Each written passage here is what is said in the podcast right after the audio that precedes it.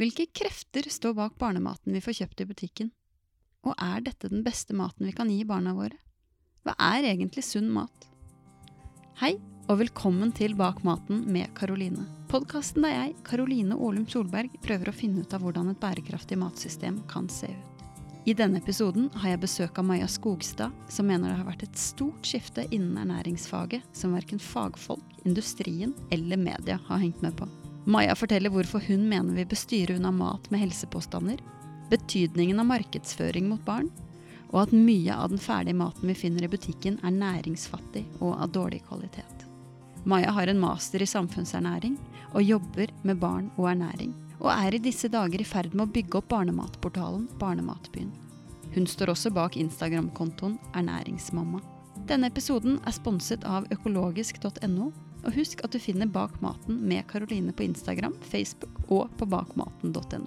Lurer du på noe, kan du ta kontakt med meg der, eller på karoline.bakmaten.no. God lytt!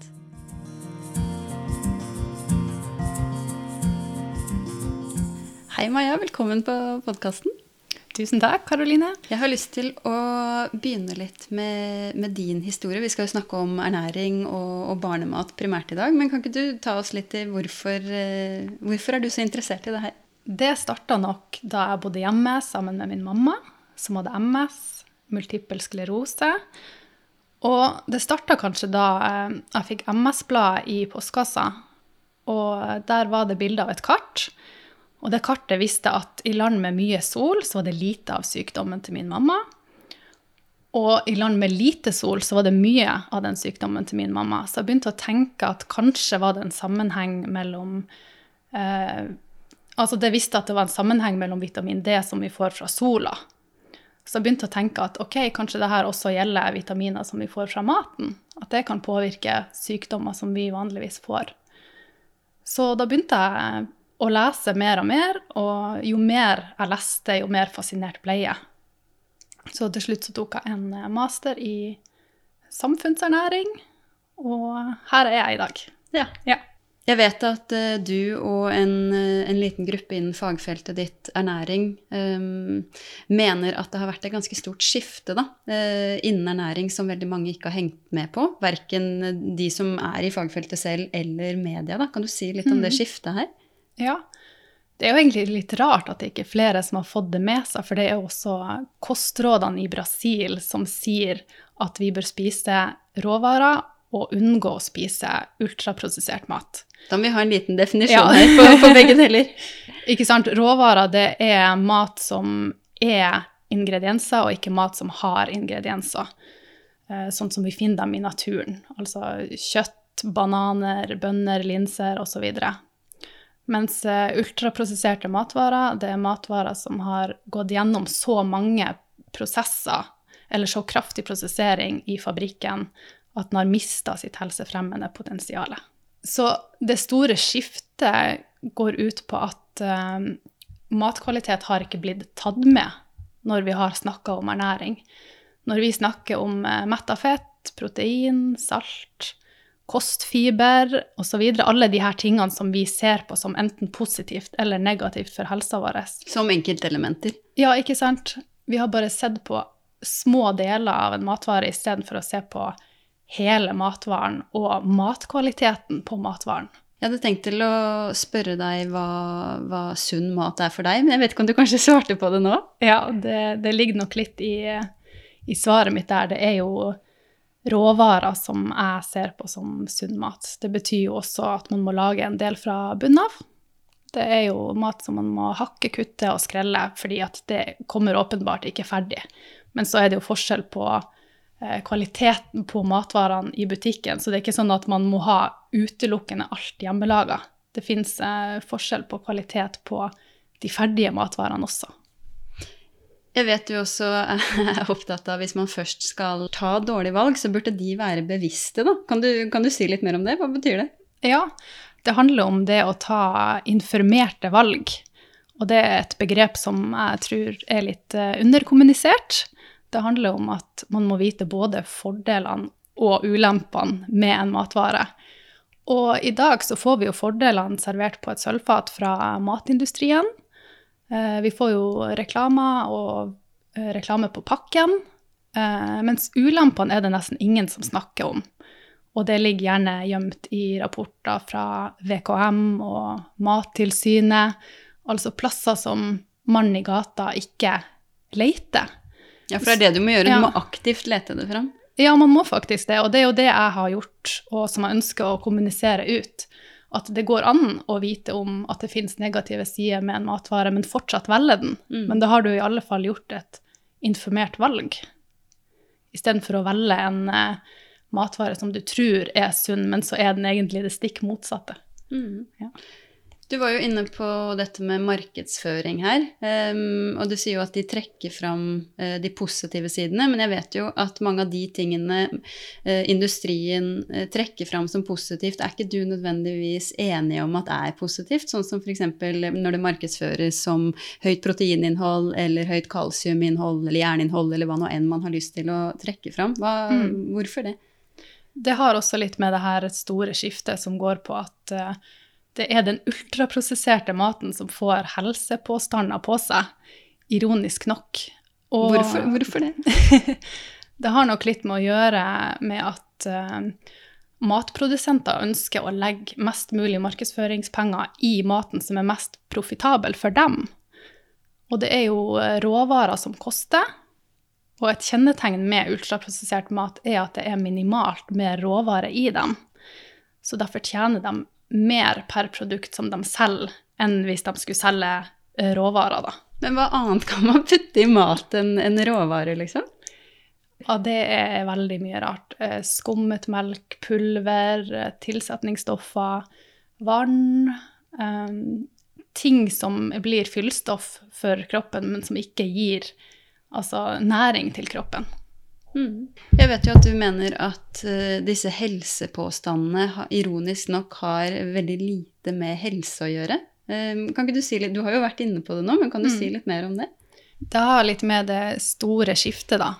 At uh, ultraprosesserte matvarer ofte har helsepåstander på seg. Du trekker ut en liten del med en matvare, sånn som f.eks. at den har høyt proteininnhold. Men i det store bildet så vil ikke den matvaren gi deg god helse. Det er bare en liten del av matvaren som vi Altså, protein har jo fått et positivt rykte, men det at matvarer har høyt proteininnhold i seg sjøl, betyr ikke at den har en positiv effekt på oss. Kan du si litt om hvorfor ultraprosesserte produkter ikke er bra for oss? Det er ganske innvikla, det er ganske mange årsaker til det. En grunn er jo at cellen i maten er kutta opp såpass mye at den smaker søtere enn hvis du hadde laga den hjemmelaga. Og den får ikke reist like langt i tarmen vår. Og maten trenger å reise helt ned til tykktarmen, der den blir til mat for de gode bakteriene våre. Altså Den blir tatt opp av kroppen før den kommer ned dit den skal, er det det du sier? Ja, egentlig. Eh, Så da får man jo eh, raskere energi i kroppen og høyere blodsukkerstigning enn man ville fått hvis maten var mer hel, da. Og det her er jo nødvendigvis ikke ting man kan se med det blotte øyet, at cellene er kutta opp. Det var noen som spurte meg hvorfor er det sånn at eh, den havremelka som vi kjøper, er mye søtere enn den du lager hjemme. Og det er nettopp fordi at de tilsetter eh, stoffer i matproduksjon som gjør at de cellene blir kutta opp enda mer, så den smaker mye søtere uten at vi legger merke til at den, det har blitt gjort. Og uten at man ser det på ingredienslista. Ja. Mm. Mm. Jeg vet du også er veldig opptatt av markedsføring mot eh, barn. For de som ikke er så, tenker så mye over det, hvordan, hvordan ser det ut? Mm. Ja, det merker man jo ganske fort når man har fått eh, barn sjøl og går med dem inn i butikken. Eh, barn elsker jo figurer og ting som står i barnehøyde. Så det er jo egentlig alt som tiltrekker seg barn, som er markedsføring mot barn. Så det kan være kjente barnefigurer, eller det kan være plassering. Eh, ja. Hva slags produkter er det typisk? Jeg vil jo si de her klemmeposene er jo ganske retta mot barn. Altså sånn smoothie Eller du kan kanskje putte mer enn smoothie oppi de?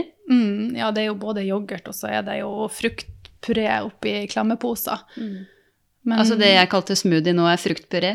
Ja, det fremstilles nok som smoothie, men den prosesseringa som klemmeposen går gjennom, gjør at det blir nesten bare sukker igjen. For den autoklaveres, som det så fint heter. Det betyr at du eh, varmer opp posen på 120 grader i minst 15 minutter. Oi, det er jo kanskje noe min bestemor ville kalt å koke i hjel. Ja, ikke sant? Så mange ut av de positive tingene med frukt og grønt, sånn som eh, B-vitaminer og C-vitaminer, eh, det er varmesensitive vitaminer.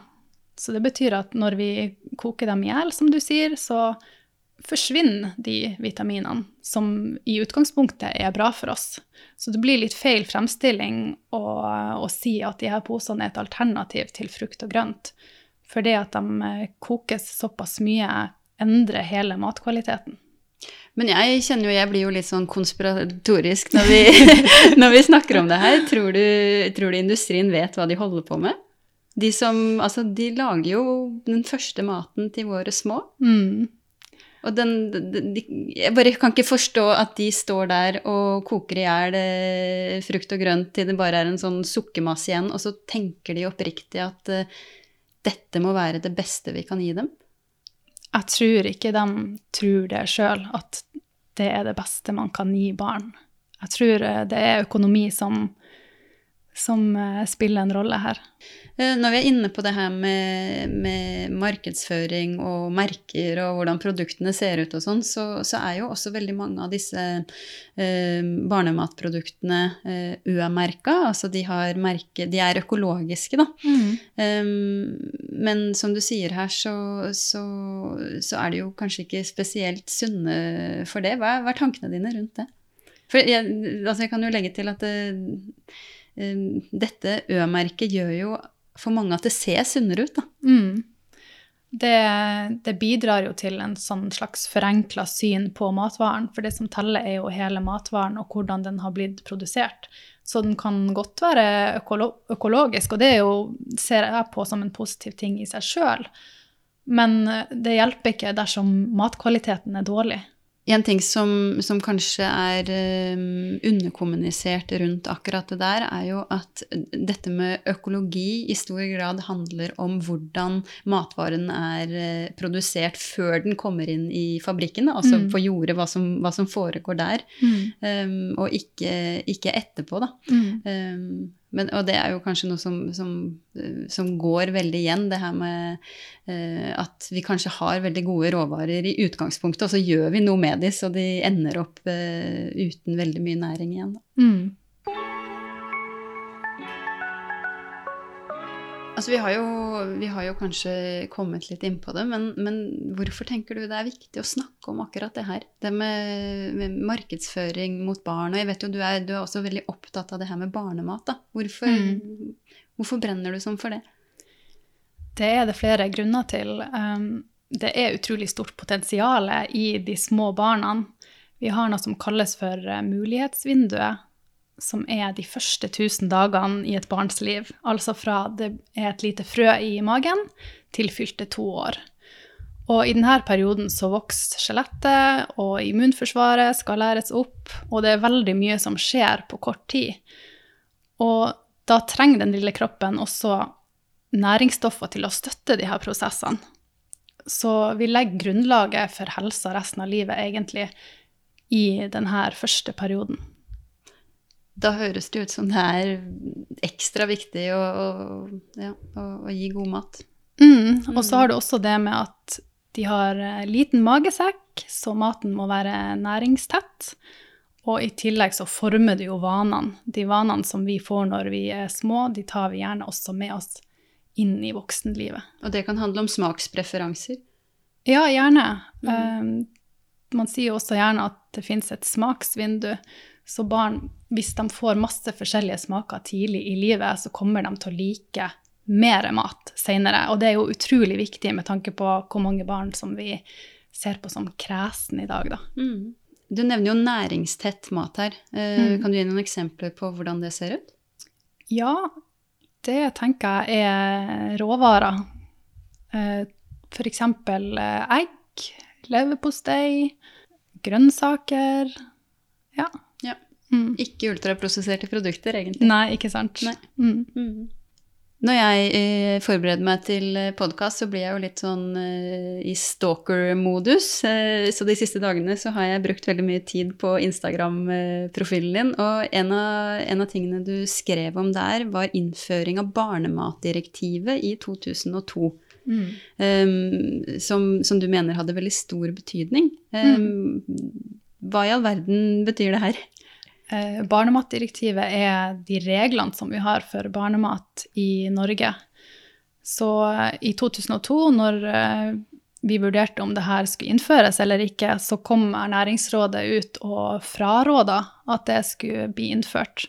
Fordi det kom til å gå på bekostning av barns helse. Fordi barnematdirektivet betyr at man får klemmeposer og barnedessert og alle de her tingene som egentlig er unødvendig barnemat. Hvorfor er det unødvendig barnemat? Eller hvorfor men, mente de som fraråda det, at det var unødvendig barnemat? Jo, for det er jo ting som ikke bidrar med særlig mye næring til de små. Egentlig så skal jo barna spise det samme som de voksne, med noen få unntak selvfølgelig. Honning til barn under ett år og ting med kvelningsvare. Men uh, målet er jo egentlig at barn skal over på familien sin mat og spise det samme som de voksne. Altså ferske råvarer helst, da. Men jeg opplever jo at industrien maler et bilde av at uh, de små er mennesker med helt spesielle behov, da. Når du på en måte prøver å navigere i den, den første maten. Mm. Og det var jo akkurat det også som er mye av kritikken til de nye produktene. For det, det males et bilde av at eh, barn under tre år er barn med spesielle behov. Altså du må ha den rette barnematglasset med fire måneder, fem måneder, seks måneder, ikke sant? Og tilpassa biter, sånn at ikke du gjør noe feil. Så Man- de spiller egentlig på usikkerheten vår. Ja, de gjør nok det. Mm. Mm. Og det her har jo pågått lenge, ikke sant. Eh, barnematindustrien har jo fått påvirke helsestasjon, eh, kanskje i større grad før, men fortsatt også nå, for de får komme og holde foredrag på eh, helsestasjoner om hva som er bra mat for Altså barn. de som lager barnematen. Ja, Nestlé, gjerne. Mm. Det henger jo ikke på greip. Nei, det gjør ikke det. Så jeg savner litt mer sånn uavhengig kostholdsinformasjon på helsestasjonene. Mm. Mm.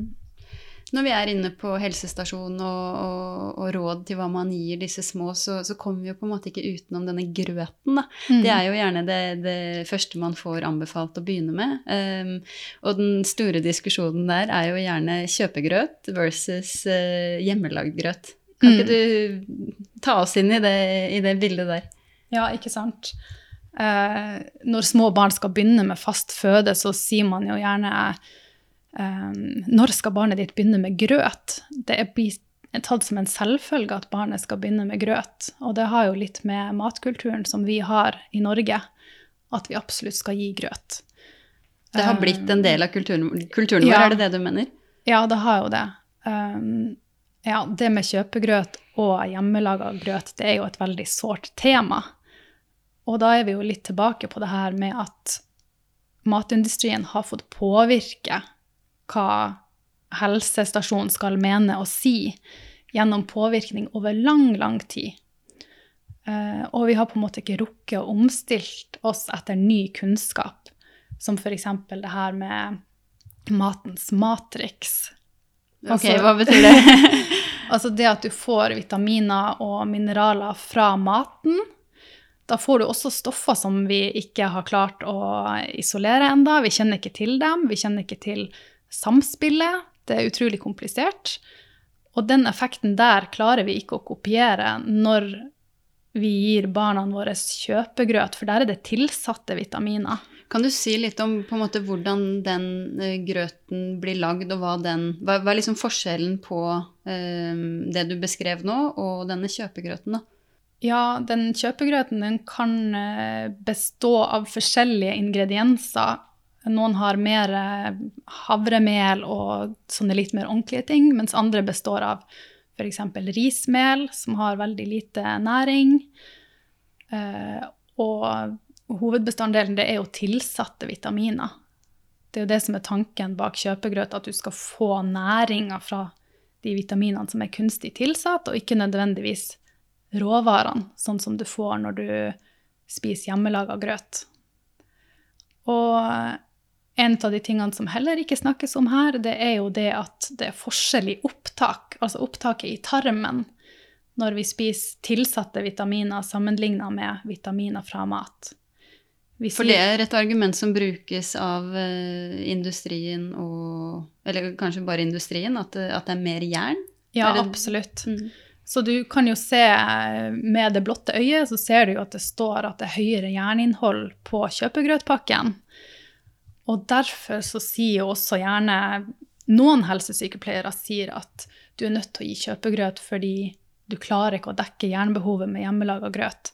Men det man glemmer da, det er at det er en forskjell på det som står bak på pakken med jern, og det opptaket som er i tarmen. For det jernet som finnes eh, fra hele matvarer, hjemmelaga grøt, det har mye bedre biotilgjengelighet, sier vi. Altså det tas lettere opp i tarmen sammenligna med det tilsatte jernet som er i kjøpegrøten. Så det du egentlig skisserer, er jo en, en, matvare som er fullstendig Eller en råvare som er fullstendig strippa for uh, næring, uh, for så å bli kunstig tilsatt ny næring igjen. Eller? Ja, man kan jo sette det litt på spissen og si at det er jo egentlig en form for kosttilskudd. Altså kjøpegrøten er det? Ja. Og um, du har kanskje sett bakpå kosttilskuddpakka så står det jo at det skal ikke erstatte en eh, normal, variert kost. Og sånn er det jo litt med kjøpegrøten også. Vi har jo gått litt over styr, fordi at i Norge så gir vi gjerne kjøpegrøt um, to til tre ganger om dagen. Og det er jo ikke en variert kost. Nei, og en annen ting som jeg, som jeg vet du er opptatt av, er hva det gjør med, med fordøyelsessystemet og, og, magen til disse små. Kan du, kan du si litt om det? Mm. Eh, korn i seg sjøl er kanskje ikke det beste å starte med for en liten babytarm. Da vil man gjerne ha litt mer lettfordøyelige matvarer. Eh, for, for korn er ikke lettfordøyelig? Nei, det er ikke det. Og spesielt ikke når du får for mye korn på en gang. Og det er vi jo gjerne lært opp til at vi skal gi grøt to-tre ganger om dagen. Så da kan det bli for mye korn, og så ender det gjerne i forstoppelse og avføringsmidler, og så er man liksom inne i en sånn ond sirkel som man ikke klarer helt å komme seg ut av. da. Mm. Og som man kanskje ikke har så mange løsninger på, eller som man ikke får så mye støtte i når man prøver å finne ut av hva som er problemet. Nei, man får gjerne beskjed om at man skal gi avføringsmiddel istedenfor at ok, kanskje du bør bytte ut en del av det kornet med mer lettfordøyelig mat. Hvordan ser den ut? Eller hva er det? Mat som kan hjelpe på å få ut avføringa, er jo f.eks. svisker. Og du kan gi langtidskokt kjøtt, kraft, grønnsaksmos Sånne ting. Mm. Jeg har lyst til å gå litt tilbake til, eh, til, til det du sier om at uh, industrien um, på en måte bruker som et argument at at det er vanskelig å få i ungene nok, eller babyene nok jern hvis du lager grøten selv, da. Mm. Det får jo meg til å tenke litt sånn hva, Hvordan kom menneskeheten seg hit uten kjøpegrøten, hvis du skjønner hva jeg mener? Ja, ikke sant. Og akkurat det spørsmålet du stiller der, da tror jeg ikke eh, Vi tenker aldri så langt. Hva gjorde egentlig foreldre før de her barneproduktene kom på markedet og skapte et kunstig behov, vil jeg si. For det er jo gjerne sånn at uh, jo mer usikker man er, jo mer vil man at noen andre skal ta over. Og da er det gjerne barnematprodusentene som får lov til å ta over. Hvis du er veldig usikker på din egen evne til å lage mat til barna dine, så går du gjerne i butikken, for det er så trygt. Det står merka med antall måneder og alt. Og det har jo blitt en del av matkulturen vår også at uh, vi skal kjøpe barnemat på glass og kjøpe grøt. Mm. Et, et, argument er jo at vi, vi burde jo kunne stole på, på, de som lager maten til barna våre. Mm. Men uh, kan vi det? Ja, vi burde kunne stole på dem, og det hadde vært veldig fint hvis de hadde satt, satt helse over økonomi.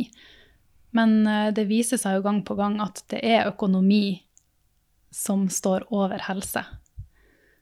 Har du noen tanker om hvordan vi kommer oss Altså hvordan vi snur den på hodet? Hvordan setter vi helse over økonomi? Mm. Og da tenker jeg ikke bare på barnemat, eh, for det er, jo, det er jo også et problem med ultraprosesserte produkter og, og ikke-næringstette produkter da, eh, mm. for voksne også. Mm. Der tenker jeg at vi som forbrukere spiller en stor rolle. At det må på en måte være en endring som skjer fra bunnen og opp. Eh, hver gang vi er på butikken, så legger vi jo igjen en stemmeseddel på de matvarene som vi vil ha mer av. Så hvis vi blir bevisst på ultraprosessert mat og kjøper mindre av dem, og kjøper mer av matvarer med god kvalitet, så vil det være sånn at uh, matprodusentene lager mer mat som har god matkvalitet. Mm. Så sånn sett så vi det, gjør vi det også lettere for oss sjøl med å velge de, de riktige matvarene tvinger det litt fram, egentlig. Ja. Det får meg jo til å tenke på Altså, jeg er vegetarianer selv og, og syns det er veldig spennende å liksom følge med på denne eh, veganske bevegelsen som har kommet de, de siste åra. Og det er jo noe som virkelig har tvunget seg frem fordi det har vært et behov, eller mm.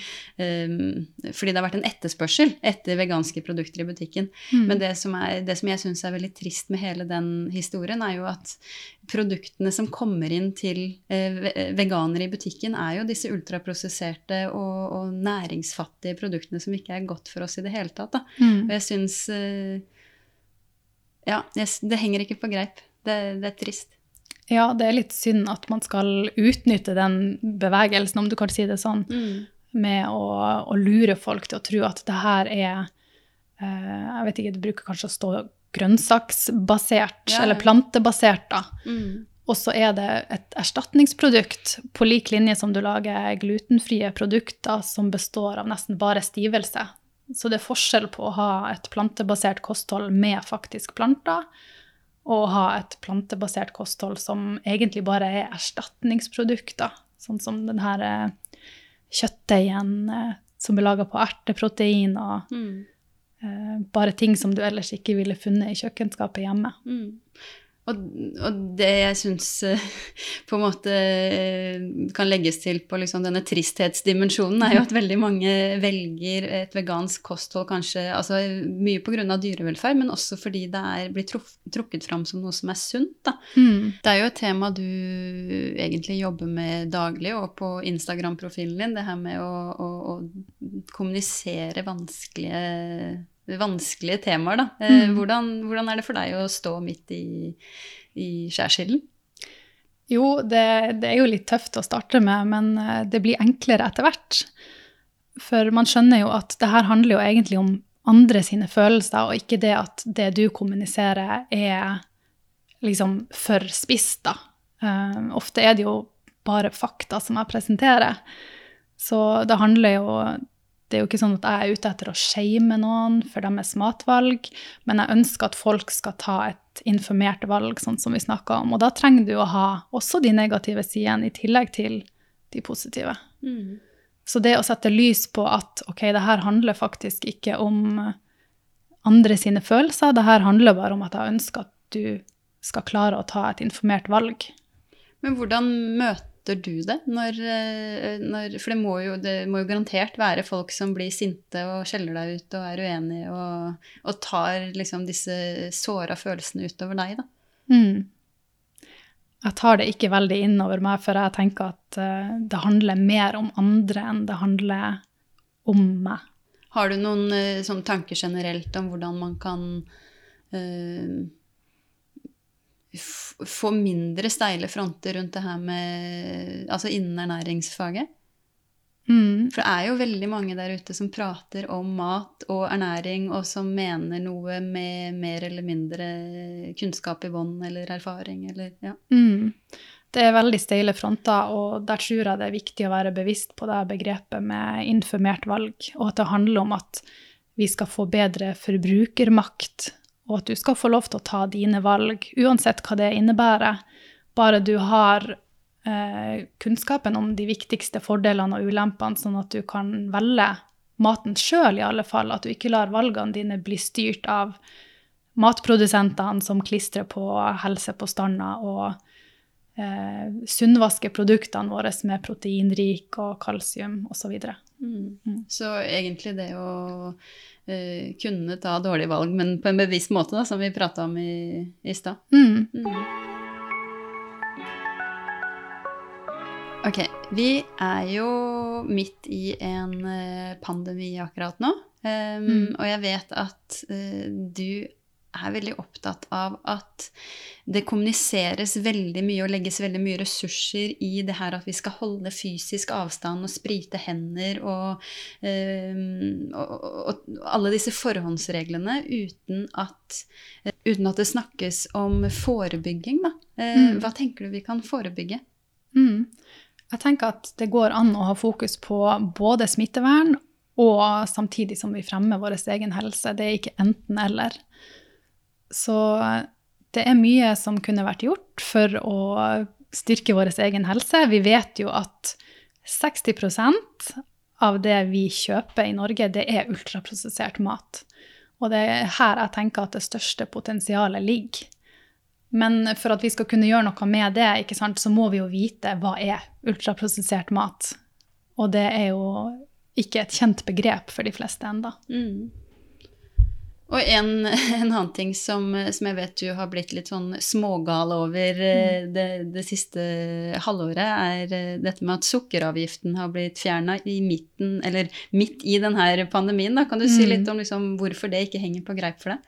Mm.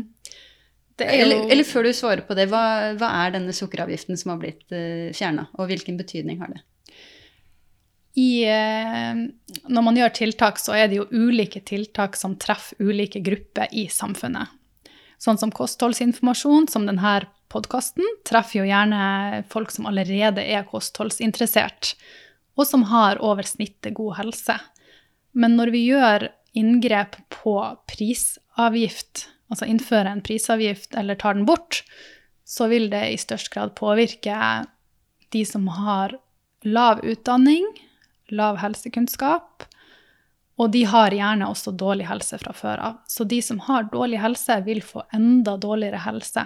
Og så øker vi de sosiale forskjellene i samfunnet når vi da tar bort denne sukkeravgifta som vi hadde. Men sånn helt konkret, hva betyr det å ta vekk sukkeravgiften? det blir billigere å kjøpe sjokolade og andre sukkervarer. Mm. Og hvorfor tenker du at det ikke henger på greip? Tilbake til det første jeg spurte mm. om nå i, i, i denne tiden vi, vi, lever i nå, eller kanskje i en hvilken som helst tid. Ja, ikke sant. Uh, vi hadde jo en pandemi allerede før denne pandemien kom. Og det er jo det at så mange av oss dør av dårlig kosthold og livsstilssykdommer som er knytta til dårlig kosthold. Hvis du går inn på Folkehelseinstituttet sine sider, så vil du se at ni av ti som dør av dette viruset, har også eh, kroniske sykdommer, hvor flesteparten av de er livsstilssykdommer.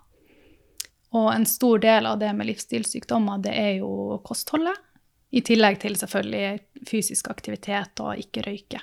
Dette med det vi på en måte er inne på nå, er jo symptombehandling. Eh, og det er noe jeg kjenner veldig igjen fra, fra mitt fagfelt òg, som, eh, som, er landbruk. At man er veldig, veldig opptatt av å, å, å passe på liksom at, at, det ser bra ut på overflaten og, og, ta tak i symptomene, men er veldig redde for å snakke om um, om det som egentlig er årsaken til utfordringene vi står overfor. Da. Har du noen tanker om, um, om hvorfor det er sånn? Mm. Jeg tenker at uh, da må vi zoome litt ut og se på hvordan hele samfunnet er bygd opp. For nå er det jo gjerne sånn at uh, både mammaen og pappaen skal uh, jobbe, og vi er alle i tidsklemma, og vi har dårlig tid. Vi har ikke tid til å gå og se på rotårsaken til problemet. Og så er systemet bygd opp sånn at du har 15 minutter hos legen. Og da kan du bare ta tak i førstelinja, som er på en måte symptomet. Det er ikke tid til å gå helt tilbake til eh, rotårsaken og løse det. Mm. Da må man kanskje ta Altså, jeg er over gjennomsnittet opptatt av å ta tak i, i roten til problemet, både liksom i podkasten her og, eh, og, mitt eget liv. Og det er jo noe som tar fryktelig lang tid, hvis man på en måte virkelig skal eh, finne ut av ja, et eksempel da, hvis man, eh, hvis man har vondt i hodet f.eks., så, mm. så kan man jo lett ha en hodepinetablett. Men eh, det kan jo være 100 årsaker til at man har vondt i hodet, som kanskje går veldig dypt. Og da må man jo investere mye tid. Mm. Så det, det, er sikkert riktig som du sier, at, at, vi har ikke tid. Ikke sant. Jeg tenker begge delene er jo vanskelig, å konstant gå rundt og forskyve problemet med hodepinetabletter. Og så er det også vanskelig å finne rotårsaken. Men hvis du først finner rotårsaken, så har du jo løst, løst det forhåpentligvis en gang for alle. Mm. Mens med hodepinetabletten så forskyver det jo bare problemet foran deg. Mm. Altså det her er jo representativt på, på, veldig mange plan, både når vi på en måte snakker om eh, personlig plan og på helse og ernæring og, og landbruk eh, mm. for den saks skyld. Har du noen tanker om hvordan vi eh, går fra den litt sånn eh, stykkevis og delt eh, tankegangen som vi har vært veldig mye inne på nå, og over til en mer sånn helhetlig tankegang generelt? Mm. Jeg opplever jo at det er en mer vridning mot en eh, helhetlig tankegang, men jeg er jo litt redd for å bruke det ordet også. Hvorfor det? Eh, det blir liksom så eh, alternativt. Vi er ikke helt der enda at det er greit å si helhetlig. Og i hvert fall ikke holistisk, for da eh, blir du jo i alle fall sett på som alternativ. Mm. da syns ikke... jeg det er litt viktig å, å ta de orda i, i bruk. Ja. ja, ikke sant? For det er jo, det er jo helheten, helheten som teller. Mm. Mm. Men det er jo interessant det du sier om at vi er litt redde for å, å, å snakke om det. det mm. At man fort liksom At det sklir over i det alternativet. Men uh, jeg, jeg, kunne kanskje ønske at istedenfor å være redde for det, at vi, vi kunne åpne, åpne, opp litt mer og bare Er det noe her i det hele tatt som hadde vært interessant å lære av, istedenfor mm. å bare uh, frykte alt, da. Ja, det er det jeg savner. Jeg savner litt mer sånn ydmykhet og mm. nysgjerrighet rundt hva vi ikke vet ennå. Ja. For det er jo som du, som du sa i stad i forhold til eh, dette med næringsstoffer, og at vi, vi vet faktisk ikke ennå hvordan næringsstoffene jobber i samspill. Da. Og det mm. også er jo noe vi egentlig burde ha mye større ydmykhet mm. ovenfor. Da. Ja, og spesielt innen ernæringsvitenskapen, er, som er ganske ny. Og utviklinga på vitenskapen den skjer jo så fort, og det er utrolig krevende å holde seg oppdatert. Og derfor vil du også se at det er stor forskjell på hvem du får råd fra. Og avhengig av om de klarer å holde seg oppdatert eller ikke. Mm.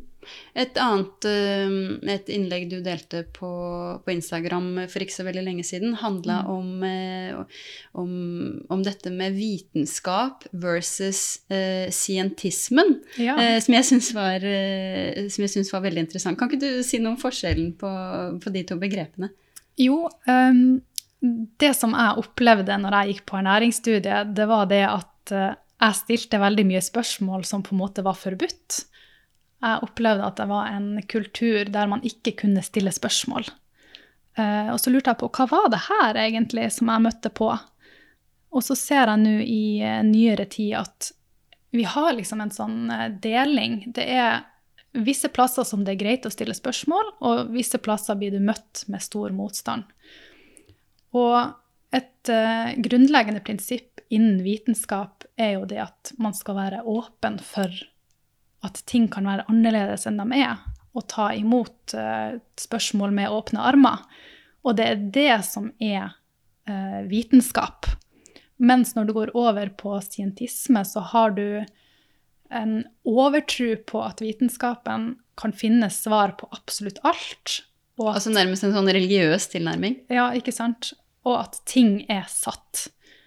Men eh, innen vitenskapen så er jo ting aldri satt. Vi har jo bare en uh, hypotese som gjelder her og nå, som skal utprøves og testes igjen og igjen, og sånn at vi kan utvikle oss. Mm. Vi, har jo, vi, har jo, vært inne på, um, på både ernæring generelt og dette med barnemat nå. Mm. Um, jeg lurer litt på hvordan, hvordan, ser din drømmeverden ut når du på en måte har fått det uh, som du vil?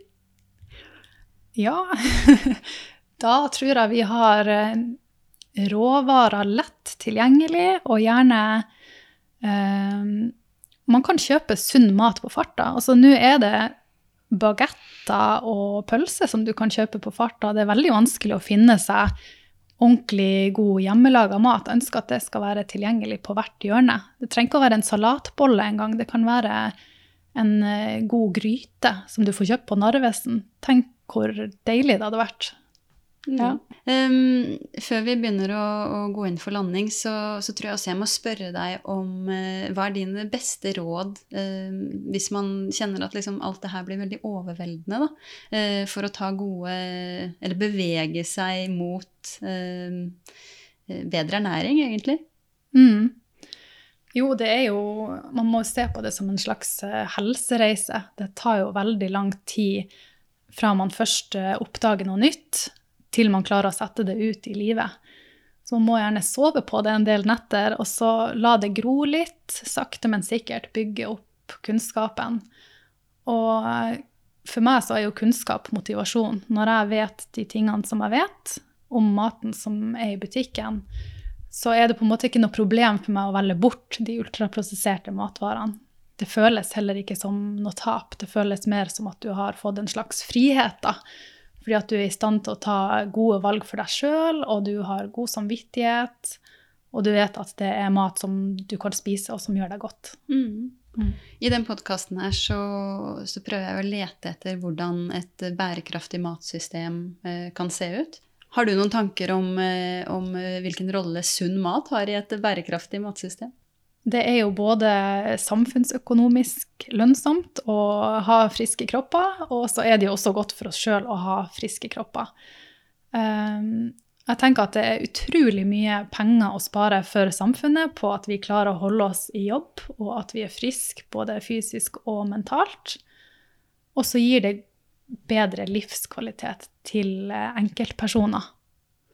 For det er jo eh, ingen hemmelighet, vi får stadig flere kroniske sykdommer, men vi lever lenger. Så vi må få bedre livskvalitet og ikke fokusere så veldig mye på lengden på livet, tenker jeg. Ja, for det er jo noe med at de, de siste åra kanskje er fylt med mye sykdom. Ja, det er i alle fall det statistikken viser. Mm. Ja. Mm.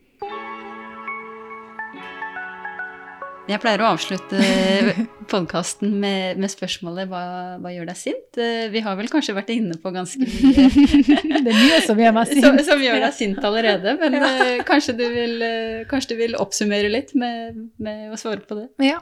Det som gjør meg sint, det er når mennesker som ønsker å spise sunt, går ut i butikken, og så ender de opp med å kjøpe det som har stikk motsatt effekt. Altså de blir lurt pga. Eh, matprodusentene sin sunnvasking. Eh, jeg syns at eh, vi fortjener bedre. Vi fortjener å vite hva som er bra for oss.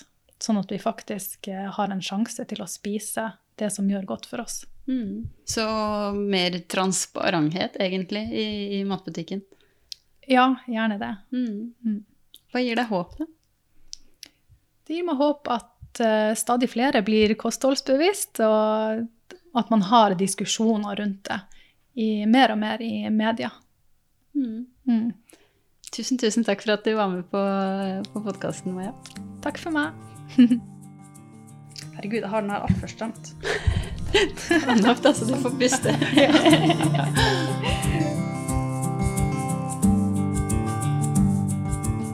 Tusen takk for at du hørte på denne episoden, som er laget av meg, Karoline Aalum Solberg. Episoden er sponset av økologisk.no, og musikken er laget av Creo og Li Rosever. Husk at dere finner meg og podkasten på Instagram bakmaten.no og på karoline at bakmaten.no. Vi snakkes!